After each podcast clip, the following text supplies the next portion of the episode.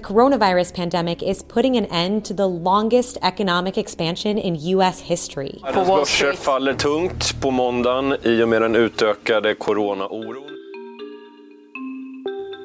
Så här lät det under våren 2020.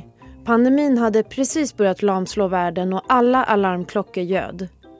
Finansminister Magdalena Andersson stod på pressträffar och pratade krisstöd till företag. Men farhågor om det nya 30-talet blev inte verklighet utan en del branscher har faktiskt klarat sig mycket bättre än många trodde. Men det skiljer sig stort mellan större företag och mindre och vilken bransch man tittar på och i vilken del av världen.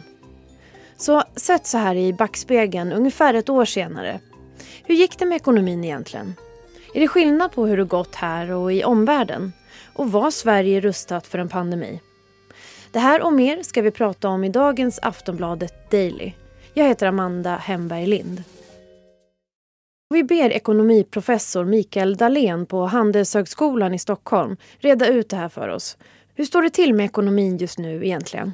Det som händer är att det blev långt ifrån så illa som vi trodde. Det skrek som att vi skulle ner i avgrunden och att allt skulle gå under. Och på bara tre månader så hann det ju vända och bli ganska hyggligt.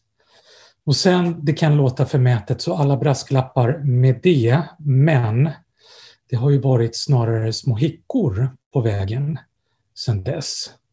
Och inga avgrunder alls. Så det har gått riktigt, riktigt bra jämfört med vad vi trodde från början. Man kan inte fatta några som helst beslut om framtiden om man inte vet när vi kommer att komma igång igen. Om, om det är omöjligt att säga då? Det, det, därför, kan, det, därför måste vi orka säga det.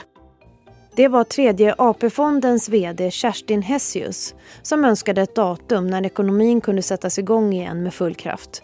Hon gästade Agenda i Sveriges Television i våras 2020 tillsammans med före detta statsepidemiolog Johan Giesecke.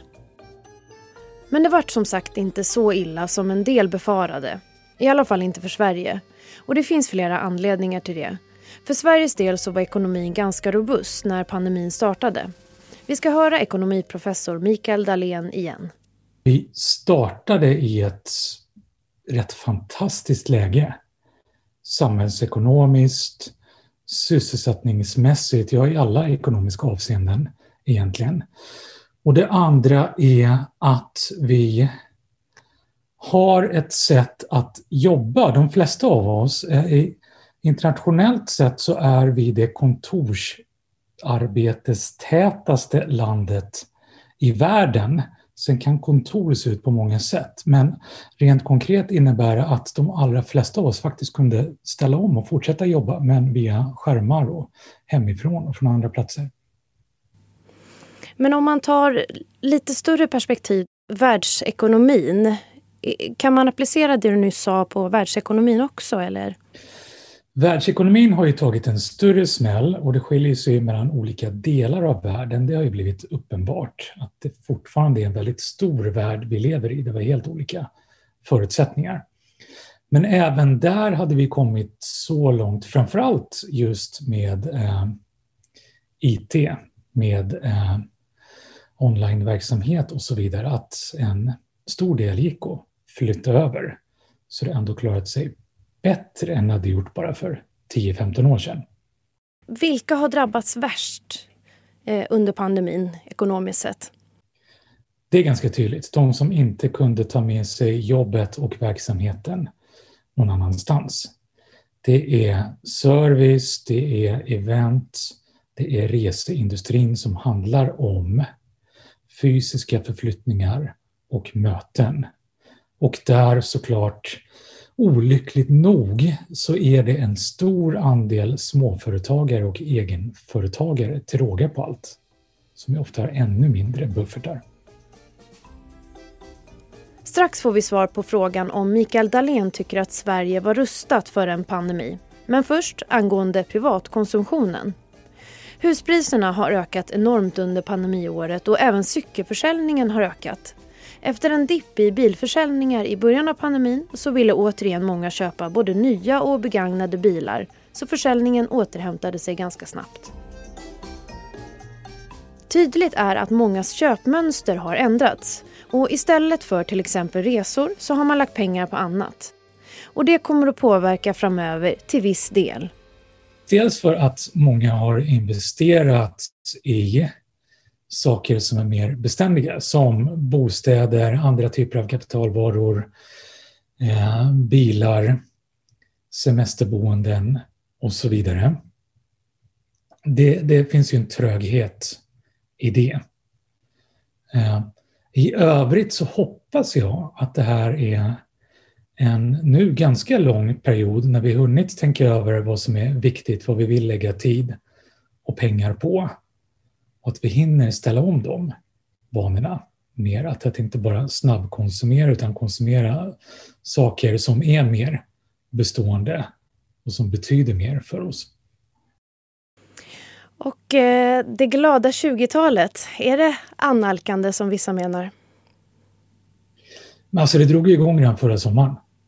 Helsike på ren svenska vad glatt det var då. Alldeles för glatt om man frågar epidemiologerna. Eh, så ja, alltså, och definitivt, kollar vi på ungdomar så har de mycket att ta igen. Eh, jag som är väldigt intresserad av lycka och välmående ser ju att de har mått relativt sämre än många andra. För att de har berövats allt det här ungdomar gör. Så där snackar vi en catch-up-effekt som kommer att heta duga, definitivt. Sen med relativa mått mätt, alltså ta sig ur en pandemi och de här skräckscenarierna. Bara att vi kommer tillbaka till ett läge som liknar det som var innan känns ju himla glatt. Så det kommer vi se. Vi kommer vara glada allihopa. Definitivt. Men sen hoppas jag och tror tankeställaren som gör att vi inte bara kommer att leva high life utan faktiskt tänka lite mer hållbart gör att det blir, blir lite lagom nivå, lite lagom glatt 20-tal. Men den som kan sin historia kanske tänker, jaha, det glada 20-talet, det följdes ju av en, just det, depression. Men det tror inte Mikael Dahlén kommer hända igen. Nej, och det är ju det närmaste en ekonomisk lag en kan komma. Att ju gladare ekonomin är, desto ledsnare kommer den bli strax efter det. Det finns inget normalläge i ekonomin. Alltså att ens prata om det är lite märkligt, för ekonomin som vi tänker på det är bara ett genomsnitt av upp och ner, upp och ner, glatt och ledset, glatt och ledset hela tiden. Så ju gladare det blir, desto ledsnare blir det eh, i andra änden för att i slutändan hamna på ungefär samma genomsnitt. Så det kan inte bli så att den där bubblan som alla pratar om och huspriserna och allting.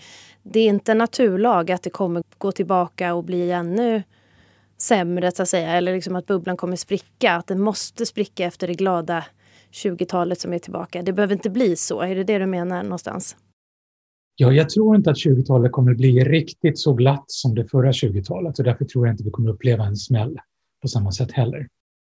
Om man eh, tänker på det här med vaccinationerna runt om i världen. Spelar det någon roll för ekonomin att den går så olika framåt i olika länder? Ja, den ojämna vaccinationstakten kommer påverka världsekonomin. Eh, dels utifrån att vaccinationerna ju får fart på sektorer eh, som är mötestäta, eh, människotäta. Men också för att vaccinationen i väldigt stor utsträckning handlar om att skapa säkerhet. Att vi vet vad vi har att förhålla oss till. Att nu går det att göra ungefär som vanligt. Och när det skiljer sig mellan länder så blir det väldigt svårt med de utbytena. Ja, men var det då så att Sverige var rustat för en pandemi? Vi vet ju inte om pandemin är slut, så, så helt facit har vi ju inte. Men vi märkte ju redan efter tre månader att vi var betydligt bättre rustade än många fruktade. Så jag, jag sticker ut hakan lite grann då och säger ja, vi var rustade. Men jag vet inte om vi är rustade för så många pandemier till om vi inte förändrar ekonomin. Sist här hörde vi Mikael Dahlén, författare och professor på Handelshögskolan i Stockholm. Jag som pratar heter Amanda Hemberg Lind och du har hört Aftonbladet Daily.